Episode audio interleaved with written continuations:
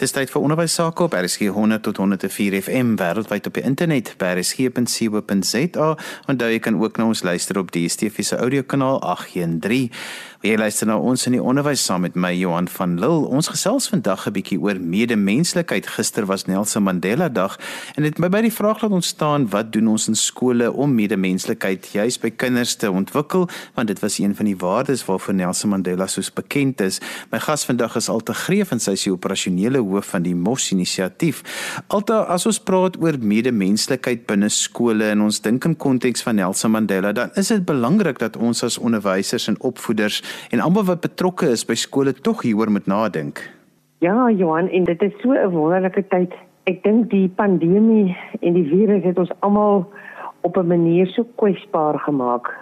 En ek dink daai is net so maar die aarde om nou nog meer as ooit tevore te fokus op medemenslikheid. Altas ons begin dink oor binne skole, daar's verskeie terreine waarop 'n mens sulke waardes vir die kinders kan aan blootstel. Vertel vir ons 'n bietjie. Ek dink die belangrikste ding is om die kultuur van medemenslikheid te bevorder. Daar's so 'n wonderlike uitdrukking wat ek nou in Engels gaan sê, a cultural eat strategy for breakfast. So dit gaan nie soseer om die planne wat ons maak nie, maar hoe ons die kultuur verander by die skool. Reg, ek dink dit begin by die leierskap, by die skoolhoof, by die leierskap van die skool wat met seker maak dat daar dinge in plek gesit word en waardes geformuleer word en maniere van doen en dink geformuleer word wat die heeltyd terugkom en mense herinner aan hierdie baie belangrike medemenslikheid. Althans as 'n mens nou dink aan Nelson Mandela Maand, Nelson Mandela Dag wat nou gister gevier is, dan sit ons altyd almal 'n bietjie tyd op sy om 'n verskil te maak. Een van die dinge wat vir my altyd so interessant is en as ek altyd na jou luister, dan praat jy ook daarvan dat dit wat kinders moet leer, moet altyd binne die konteks wees van hoe maak dit 'n verskil aan die mensdom of almal op planeet Aarde. O ja, ek hou so van Michael Fulham van die New Pedagogy for Deep Learning se definisie wat sê dat vroeër jare het 'n mens gedink aan die doel van skool gaan en die doel van opvoeding was om mense te help of of kinders, jong mense te help om hulle volle potensiaal te ontwikkel. Maar die nuwe definisie sê dat ons letterlik die potensiaal van mense moet ontsluit om as die menslike ras as humanity op die aarde te bly voortbestaan. Die probleme rondom ons gaan net erger en erger raak en die breinpotensiaal van jong kinders om te help om dit op te los moet elke dag ontgin word. So wat mens ook al leer in die klas of dit nou wiskunde of geskiedenis of wat ook al is, moet jy jouself die vraag afvra: Hoe help hierdie kennis my in verhouding tot die 7,7 miljard mense wat nog saam met my op hierdie planeet Aarde woon? Dit is regtig 'n baie mooi definisie en as mens jouself so begin sien as deel van die groter mensdom, dan raak jy met die menslikheid ook 'n beter realiteit. Die ander ding Johan wat jy daarmee moet saamsit is hierdie en wat deel van hierdie kultuur moet wees is dat alle mense gelykwaardig is. Dit is nog 'n ding in ons samelewing. Ek dink as mens al die boelie gedrag en so 'n mooi ontleed dan kom dit daarop neer dat kinders groot word en hierdie persepsie kry dat party mense is belangriker as ander. Party mense se lewens is meer werd as ander se. Alta jy het nou verwys na Michael Fullen wat so interessante eintlik 'n onderwyskundige is alhoewel dit nie hy's net so bekend in die wêreld vir sy benadering tot onderwys. Gee ons 'n bietjie konteks van hoe dit dan ook leer betekenisvol kan maak. Michael Fullen se werk was eintlik om stelsels te transformeer. Ek het hom baie jare oor hom opgelees al en hy het nadat hy die werk gedoen het oor die 21ste eeu se vaardighede, het hy hierdie projek bymekaar gesit met die naam van New Pedagogy for Deep Learning. En die deep learning verwys na die soort leer wat kinders aan onderwerp word wat vir hulle kan help om vaardighede te ontwikkel. Nou die soort leer waaraan ons kinders normaalweg onderwerp is net om vir hulle feite te laat memoriseer en dan die feite miskien in 'n effense verwerpte vorm weer terug te gee. Maar die definisie van dieper leer of deep learning soos wat hy dit definieer het sekere vereistes en as dit gebeur, onder andere moet kinders 'n keuse hê in dit wat hulle interesseer binne die konteks wat hulle wil leer. En as dit gebeur, ontwikkel vaardighede en ek dink 'n mens kan medemenslikheid ook in daai vaardigheidspakkie gaan sit. Die hele vaardigheid om met mense oor die weg te kom, om regtig saam te werk met mense tot voordeel van almal, nie net tot jou voordeel nie. Dit so baie mense kyk raak aan daai vaardigheidspool wat ontwikkel as jy leer baie meer betekenisvol maak vir kinders. Alte gee ons 'n bietjie 'n voorbeeld hoe sal 'n mens nou medemenslikheid in in enige vak kan inbring om te sê maar dit gee betekenis aan dit wat die kinders moet leer. Dis interessant Johanna, jy het so vra. Ek dink vakke gaan in Suid-Afrika nog vir 'n redelike lang tyd saam met ons wees maar daar's van die eerste wêreldlande Finland wat altyd die voorbeeld is wat die hele leer in vakverband besig is om dit heeltemal tot nuut te maak en om om leer in terme van temas ensovoorts te maak. Nou die, die ek sê altyd die Finlandse se situasie is so anders as ons en mense moet oppas daarvoor omdat hulle hoogs gekwalifiseerde onderwysers het. Hulle onderwysers doen almal die ekwivalent van 'n meestersgraad in 'n vak, nie nie eers in die onderwys nie. Met ander woorde, mense werk met onderwysers is so half 'n perd van 'n ander kleur. Maar as jy nou terugkom na die vakverbande waar binne ons nog is, dan dink ek die inhoud van die vak is eintlik minder belangrik as die proses van leer. Nou in in verskillende vakke is daar verskillende prosesse van leer en dit is goed dat kinders aan verskillendes blootgestel word as jy nou dink die tipiese tegnologiese proses wat daar in tegnologie is die soort van probleemoplossende benadering wat jy in geskiedenis en in wiskunde kan gebruik. Die verskillende maniere waarop 'n mens taal aanleer kan hanteer. Maar binne in alles dit hoe kinders in klas met mekaar interaksie het dink ek kan tog deur onderwysers beheer word. So as jy in 'n groepwerkverband of selfs in die verhouding en die tipe interaksie wat die onderwyser met die kinders het, nommer 1 ontslaa raak van die hele hiërargiese ding dat almal het 'n stem, almal se opinie en se mening en wat hulle dink is belangrik en word gehoor. En hoe 'n onderwyser dan daarmee omgaan, veral met jonger kinders, is ontsettend belangrik. So ek dink die medemenslikheid lê so half in die proses van leer meer as in die vak self.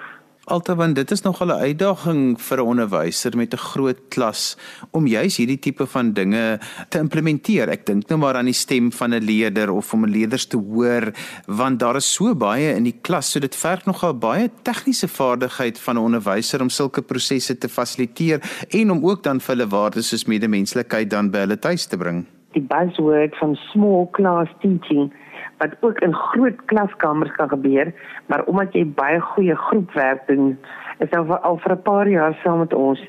En ek het in my onderwysloopbaan van die beste small class teaching beleef in klasse waar daar in die grondslagfase 60 kinders was. Daar was ook 'n assistent, moet ek nou wys sê, maar die hele beginsel van in kleiner groepies met kinders interaksie hê en ook vir kinders toelaat om met mekaar te praat. As jy byvoorbeeld 'n vraag vra in die klas van 40 en jy gee vir al 40 kinders kans om met die persoon langs hom sy gedagtes te deel en jy sê dat vier van hulle saam besluit watter van die gedagtes wil hulle as 'n groepie rapporteer, dan het jy al vier gedeel deur 40 dan jy 10 verskillende menings wat jy moet aanhoor. So ek dink die klaskamer organisasie en die vaardigheid van onderwysers om kinders sinvol in groepe te laat funksioneer. Ek dink ons loop gevaar baie keer in Suid-Afrika om groepwerk so vreeslik te verwaarloos omdat mense dink die klasse is te groot. Groot klasse vra juist daarvoor. En dan in daai groep is 'n kind se stem al klaar iets werd. Die feit dat sy groeplede kan besluit sy idee is moet werd om terug te rapporteer in die groot groep. Dit is so 'n versameling van klein goedjies wat kinders beleef wat hulle menswaardigheid en hulle hulle gevoel dat hulle gelykwaardig is aan ander kinders beïnvloed. Dit is baie werk vir ons maar 'n mens kan in jou klaskamer, in jou skool eintlik 'n ongelooflike groot verskil maak want alta ook die tegnologie maak dit vir ons moontlik dat ons ook selfs terugvoer kan kry van mense buite die klaskamer wat ook my stem as 'n leerder hoorbaar kan maak en kan bevestig maar ook soms kan krities kyk na wat ek as 'n leerder kwytraak. Tegnologie is 'n wonderlike ding Johan en ek dink een van die redes hoekom kinders hulle so al wend na die tegnologie is omdat ons baie keer in die ware lewe nie na hulle stem luister nie. As jy op jou profiel op Instagram kan jy dinge sê en is dit jou plekkie waar jy jou mening kan los. So ek dink die, die tegnologie is amper 'n uitkomskans vir kinders. Maar selfs van die interaksie wat onderwysers kan hê met kinders baie keer. En wie van baie sekere in die, in die skoolstruktuur is daar dinge soos 'n prysuitdeling. Die hele ontgroeningskultuur wat nog op baie plekke daar is die feit dat kinders as seniors ander voorregte het as ander kinders dis klein subtiele goed wat inspel op hierdie hele belewenis en persepsie van kinders dat almal is nie ewe waardevol nie Jy luister na ons in die onderwys op RSG 100 tot 104 FM wêreldwyd op die internet by rsg.co.za. Jy kan ook na ons luister op die DSTV se audiokanaal 813. My gas vandag is Alta Greef en sy is die operasionele hoof van die MOS inisiatief. Alta, jy was self 'n skynat juffrou soos jy altyd sê en jy het die kinders deurgekry deur matriek. As jy nou terugdink, hoe dink jy het jou benadering tot onderwys verander saam met Suid-Afrika se verandering en die verandering verandering sedert 94, maar ook om sekere waardes wat jy dink nou so belangrik is by kinders moet ingeskerp word. Hoe hoe het jou kop verander? O, genade Johan, ek weet dat jy skaam daaroor dat ek gedink het ek was 'n baie goeie onderwyseres, ek skyn dat juffrou was as ek dit vergelyk met hoe ek toe gedink het en wat ek nou weet. Maar daar's baie keer ook iets goeds in die jeug se feit dat hulle self dink hulle is onsterfbaar. As ek jou dink wat die hele Nelson Mandela se vrylating en demokrasie in ons land tot gevolg gehad het en ook die demokratisering binne die onderwysomgewing. My gedagtes rondom dit het geweldig gegroei en verander en ek, ek ek wil een ding net sê van Nelson Mandela. Ek dink die grootste ding wat hy vir ons geleer het nadat hy uit die tronk uit vrygelaat is in die nuwe Suid-Afrika is die ongelooflike vergifnis wat hy geleef het. Hy het mense wat hom vir hoeveel jaar 27 jaar toegestel het in tronk so van onvoorwaardelik vergewe. En ek dink daai is so half 'n beginsel van dit raak so aan die beginsel van kindness. Dit is mos so moeilik word om te vertaal regte medemenslikheid, kindness, vriendelikheid, warmte, deernis vir alle mense. Nou in 'n skoolopset is dit nogal 'n interessante vraag wat jy vra. Die hele feit dat ons skool of wat ek begin skool hou het in 'n stelsel wat die gesagstrukture suiwer autokraties was. En as ek dink aan hospitale in die in die 70er jare met 'n matrone en verpleegsters wat gemarseer het in die gange en dan tipiese autokratiese skoolloof met almal wat doodstil en gehoorsaam was, is baie makliker om plekke te bestuur in 'n autokratiese denkraamwerk. En ek dink dit was baie traumaties vir baie mense, vir baie mense van my ouderdom en nog jonger as ek wat wat hierdie oorgang moes gemaak het na die plek toe waar waar waar demokratiese beginsels geld. En een van die belangrikste goed in 'n demokratiese opset is dat elke mens 'n stem het en dat alle mense ewe belangrik is. Ek wil weer sê ek kry nou skaam daaroor as ek baie keer van my ou leerders raakloop wat dink ek was 'n goeie skynheid juffrou dan dink ek ek ek weet nou soveel meer. Ek wens ek kan nou weer vir jou skynheid gee. Altyd een van die dinge wat vir my belangrik is as 'n mens oor medemenslikheid dink dan is dit maar die manier hoe mens saam met mense werk. En dit voel vir my dat die skool is die ideale plek om daardie vaardighede vir kinders aan te leer. Ja Johan die die ons ons het 'n collaboration of saamwerk. Collaboration is nie meer 'n samewerking. Collaboration is meer saamwerk in die sin dat mens almal se insette verwelkom en in ag neem en dat jou produk dan beter is as wat die beste van die individue sin sou gewees het. So dit is een van die 21ste eeuse vaardighede wat almal vir ons sê is iets wat mense in die werkplek ontsettend nodig het. Nou die skool is skool per se is veronderstel om kinders voor te berei vir die wêreld van werk. Nou om saam te werk met ander mense is belangriker as ooit tevore. Veral hierdie soort van collaboration of samewerking wat ook oor grense heen gaan. Die tegnologie het vir ons moontlik gemaak om letterlik die menings van mense van oor die wêreld bymekaar te trek. Maar as ons nou na die klaskamer toe teruggaan, dit verg baie keer 'n bietjie tyd wat onderwysers baie keer sê hulle nie het nie, maar ek dink dis tyd wat so goed spandeer word as 'n mens kinders kan leer dat jy werk nie in 'n groepie en die groepie is van so 'n aard dat jou bevoordeel nie. Jy werk in 'n groep om sekere vaardighede aan te leer.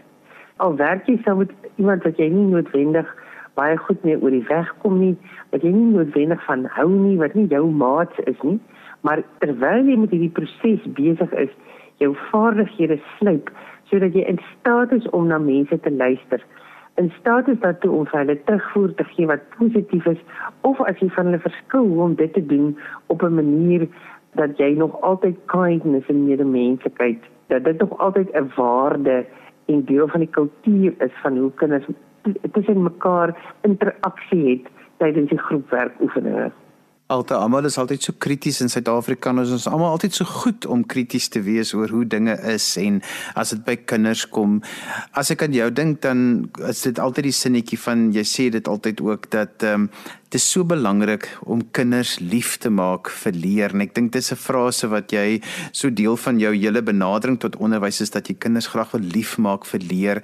Vertel vir ons meer daarvan hoekom dit belangrik is en hoe dit ook 'n verskil vir Suid-Afrika kan maak ek klein bietjie sterker uitdruk Michael Fulham praat die new pedagogy for deep learning van children must fall in love with learning. Ek dit is tog amper erger as om lief te wees vir leer, om verlief te raak op leer. Nou ek raak baie keer bekommerd as jy sê dit weer kinders lief maak vir leer. Ek weet nie of kinders al ooit lief was vir leer nie. Dit maak my ongelooflik opgewonde. Ons het nou die kans om regtig waar die leergebeure in klaskamers so te struktureer dat kinders a dit reg geniet. Nou mense gaan baie meer geneig raak geneig om verlief te raak op iemand wie se geselskap jy geniet. So ek wil daar begin te sê hoe kan ons kinders blootstel aan leerervarings wat reg waar vir hulle lekker is. Die eerste ene is ons moet dit minder vervelig maak. Ons moet die we must take the boredom out of the situation en mense dis amper hier besig bly aktiwiteite En ek dink met die virus nou het kinders dit baie duidelik besef dat baie groot dele van hulle tyd in skool is hulle besig gehou deur onderwysers. In plaas daarvan dat hulle regtig waar uitgedaag was om te leer. Nou om te leer is daar nog 'n ding behalwe dat jy nie verveeld nie, weet jy, moet jy ook betrokke voel, engage wees in die proses en ons moet die die, die raakpunte vat wat dit is wat kinders geniet nou. As 'n mens engage, dan moet jy ook hierdie gevoel kry dat dit wat jy doen gaan 'n verskil maak. So dis deur te skep en deur dinge te doen wat jy vir kinders intrek in die leersituasie wat vir hulle 'n kans gee om regtig verlief te raak op of lief te raak vir leer. As ons gaan kyk na die onsekerheid van die toekoms en ek dink die hele pandemie het ons almal geruk tot hoe onseker die toekoms regtig is.